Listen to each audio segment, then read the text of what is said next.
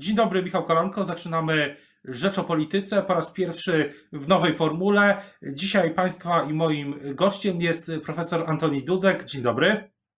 Dzień dobry, witam. Chciałbym zapytać na początek o rzecz, która nas, jako ludzi zajmujących się polityką, w tym momencie chyba poza oczywiście kwestiami samej epidemii interesuje najbardziej, nad którą wszyscy się najbardziej y, zajmujący się polityką zastanawiają. Czy Pana zdaniem wybory powinny być przełożone? W moim przekonaniu trzeba bardzo poważnie się już nad tym zastanawiać, dlatego że y, jest mało prawdopodobne, żeby za dwa tygodnie y, epidemia ustąpiła na tyle, aby było możliwe powrót do normalnego prowadzenia kampanii wyborczej, tak, takiego jaki znaliśmy z poprzednich kampanii, czy nawet jeszcze sprzed powiedzmy tygodnia, czyli spotkania y, kandydatów z ludźmi w podróże po kraju.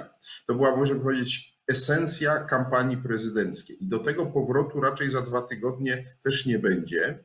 W związku z tym y, powstaje uzasadnione e, e, przekonanie, które formułują niektórzy dzisiaj kandydaci, że mamy nierównoprawne warunki prowadzenia kampanii, to znaczy, że w praktyce może ją prowadzić wyłącznie urzędujący prezydent, który jest wszędzie pokazywany, no jak jeździ po kraju. No i to jest ja nie mam pretensji do prezydenta Dudy. To jest naturalne. On pełni swój urząd. I tak zawsze jest zresztą, że pre, urzędujący prezydent ma pewne przywileje. Tyle tylko, że teraz te przywileje zamieniły się właściwie, czy zamieniają na naszych oczach swego rodzaju monopol.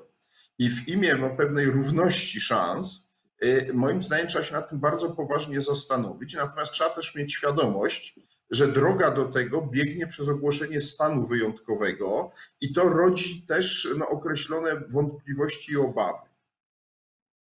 Jak, jaka zdaniem właśnie, jaka Pana zdaniem powinna być forma? A czy, czy powinno być tak, że na przykład jest posiedzenie e, Rady Bezpieczeństwa Narodowego i wszyscy przedstawiciele opozycji oraz przedstawiciele e, rządu mówią e, jednym głosem, że tak, zgodziliśmy się na tym posiedzeniu na przesunięcie wyborów.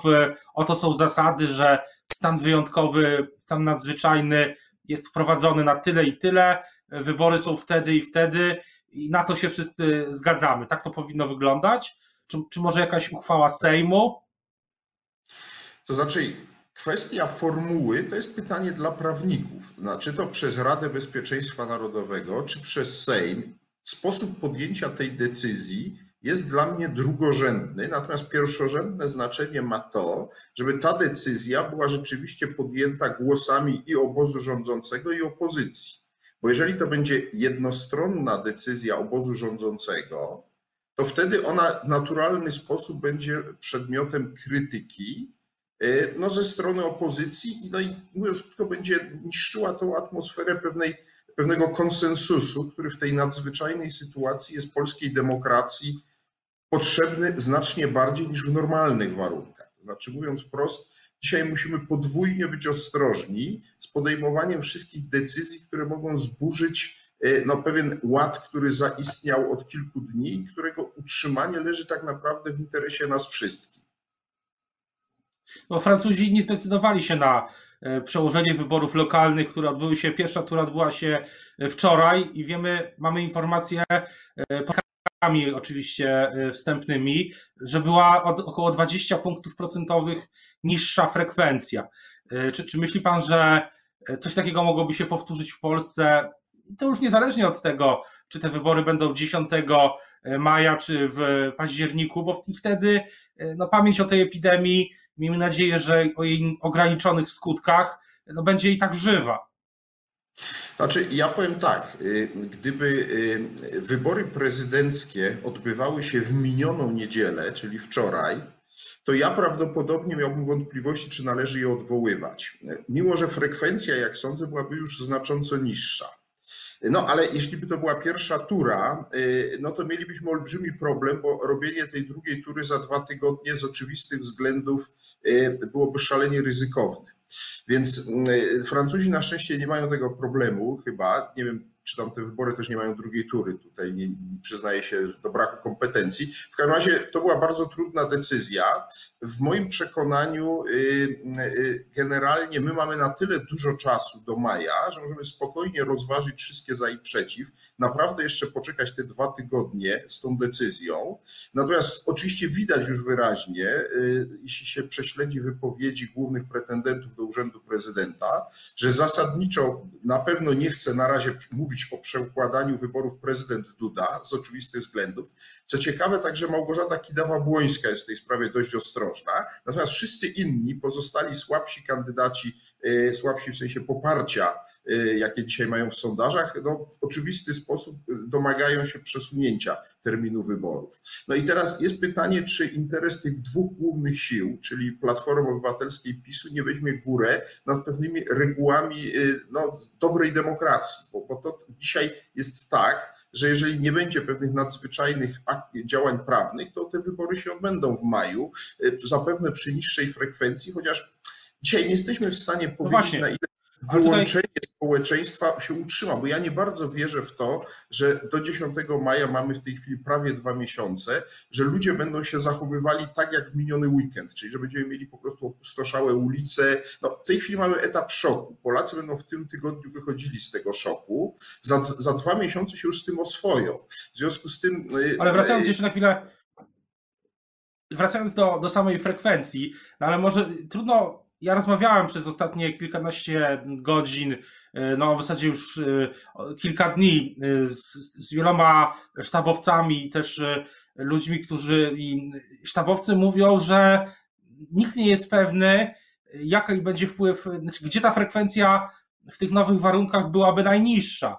Bo być może, bo jest takie przekonanie, że tak jak pan mówił teraz, 10 maja tam ten monopol obozu rządzącego będzie dla niego korzystny, ale nie wiemy, czy wyborcy obozu rządzącego, mm, zwłaszcza poza dużymi miastami, y, pojawią się przy urnach i na kogo to najbardziej ten szok zadziała. Ja się całkowicie z tym zgadzam. Dzisiaj nie sposób tego przewidzieć.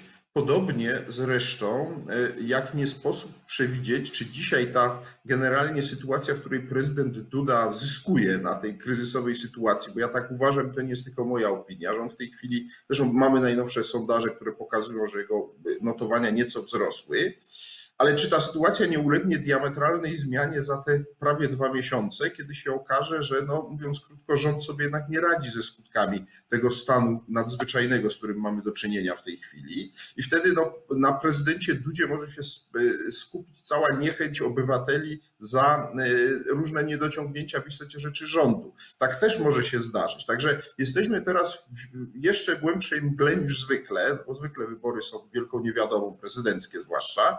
W tej chwili ta mgła jest coraz gęstsza i dlatego mówię, moim zdaniem trzeba poczekać dwa tygodnie i to leży w interesie moim zdaniem obu stron, żeby ocenić jak się pewne procesy kształtują i tą decyzję w sposób przemyślany i spokojny mniej więcej po okresie tym dwutygodniowym podjąć. Przy czym ja dzisiaj bym się skłaniał za przeniesieniem wyborów prezydenckich na jesień, być może nie poprzez stan wyjątkowy, tylko przez stan klęski żywiołowej, bo stan wyjątkowy, jak się porówna ustawy i przepisy o stanie klęski żywiołowej i y, stanie wyjątkowym, one są podobne, ale różnią się w pewnym zakresie, na przykład jeśli chodzi o swobody obywatelskie. Czyli mówiąc krótko, stan wyjątkowy jest tutaj najbardziej rygorystyczny i represyjny, i tu mogą się pojawić oskarżenia o jego nadużywanie znowu przez obóz rządzący dla właśnie swoich celów politycznych, y, prawda? Już nie chcę wchodzić w szczegóły ani spekulować, żeby tutaj nie, nie budzić niepotrzebnych emocji, no ale wiemy, że stan wyjątkowy, no to sama nazwa pokazuje, ona daje e, władzom poprzez, czyli takim e, służbom mundurowym, służbom specjalnym nadzwyczajne uprawnienia, zupełnie y, niedopuszczalne w stanie normalnym, takim, który ciągle jeszcze mamy. A co do tego wydarzeń, mówił Pan o tym, że że teraz to poprzedni tydzień to był szok, ale pytanie, jak pan ocenia reakcję sfery politycznej, klasy politycznej na ten szok? Jak pan by podsumował ten y, poprzedni tydzień, bo było bo tego, chociaż kampania jest zawieszona, ta praktyczna kampania wyborcza, no to polityka dalej się trochę, dalej się jednak toczyła. Były różnego rodzaju wypowiedzi, no była też oczywiście, były też działania rządu, komunikacja rządu. Coś pana zaskoczyło tutaj na plus albo na minus? Pan, no, na plus mnie zaskoczyło na pewno to, że było posiedzenie Rady Bezpieczeństwa Narodowego i po tym posiedzeniu no, nie było jakichś radykalnych oskarżeń. Natomiast oczywiście już wczoraj zauważyłem, że się pojawiły pewne kontrowersje co do tego. Tam widziałem w jednym ze studiów telewizyjnych, jak jeden polityk że obozu rządzącego oskarżał polityka opozycji, że ten zdradza tajemnicę posiedzenia Rady Bezpieczeństwa Narodowego. To, to oczywiście tamten protestował, że on wcale tego, co było objęte tajnością, nie zdradził. Więc tu już widać wyraźnie, wyraźnie, że będą problemy, ale to wszystko na razie wygląda moim zdaniem bardzo dobrze. Y, y, ja nie chcę dzisiaj mówić o zachowaniach polityków, y, bardziej o zachowaniach społecznych. Widziałem w internecie zupełnie niesamowite zdjęcia z jednej strony z polskich miast, a z drugiej strony z jednego z francuskich z minionego weekendu.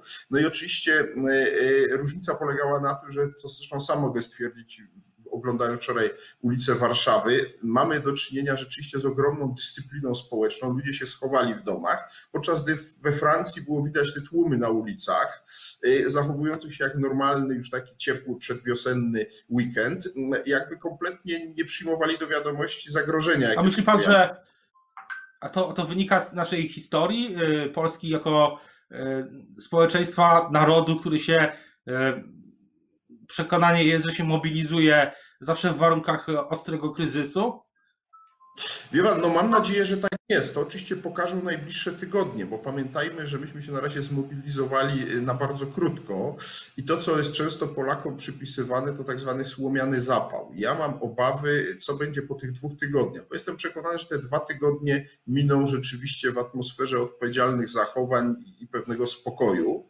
Natomiast będzie tu bardzo dużo zależało od tego, no, co się przez te dwa tygodnie wydarzy, jeśli chodzi o skalę epidemii, czy ona się będzie rozprzestrzeniać szybko, czy bardzo szybko, czy, czy raczej wolno, tego dzisiaj nikt nie wie. I co później po tych dwóch tygodniach? Oczywiście teraz najwięcej ma do zrobienia rząd, y, choćby ten pakiet y, antyrecesyjny dla firm, to co zostanie w ciągu tych dwóch tygodni przedstawione, żeby ludzi uspokoić, no bo dzisiaj mamy do czynienia z naprawdę setkami tysięcy y, Polaków, którzy nagle mają niezapowiedziany urlop i na pierwszy rzut oka to się wydaje może miłe, że można posiedzieć w domu z rodziną, no ale tam za chwilę będzie to podszyte niepokojem, co dalej. Znaczy, co z tymi naszymi biznesami Dlatego też dzisiaj zamrożone. Dlatego też dzisiaj chyba banki mają przedstawić propozycję wakacji y, kredytowej, czyli y, około trzech miesięcy zawiesić y, spłatę kredytów wszystkiego rodzaju, wszystkiego, wszystkich typów.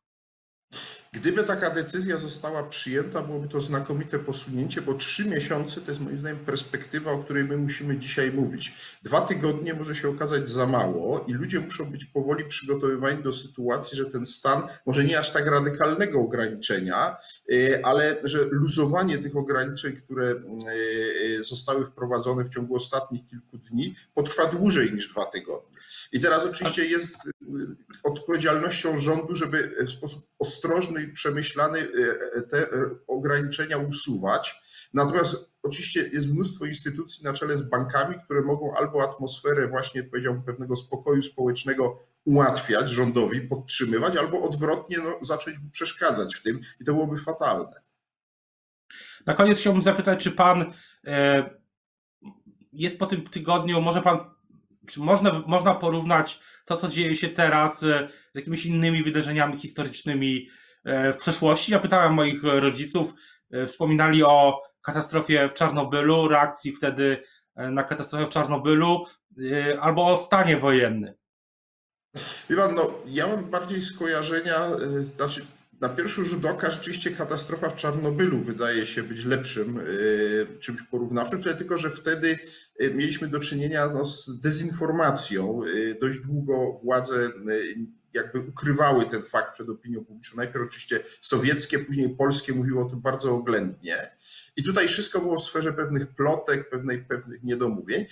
Natomiast jeśli chodzi o opustoszałe ulice, no to oczywiście skojarzenie jest ze stanem wojennym. Ja, ja do dziś pamiętam choćby y, noc sylwestrowym y, y, w 1981 roku na rynku głównym w Krakowie, gdzie po prostu żywego ducha nie było.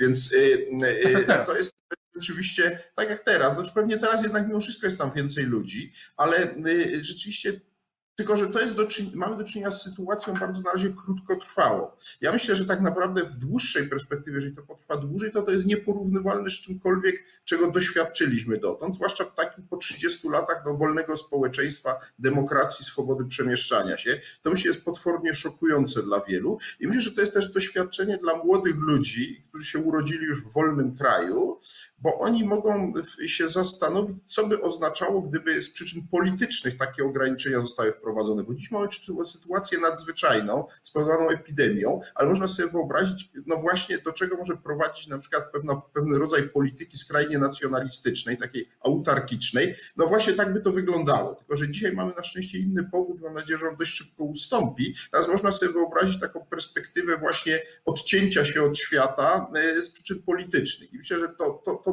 pozwala uświadomić wielu ludziom, z jak ogromnymi przywilejami mamy dzisiaj do, czy mieliśmy do niedawna do czynienia, mogąc się swobodnie przemieszczać e, po Europie i tak naprawdę po świecie. Bardzo dziękuję za e, rozmowę.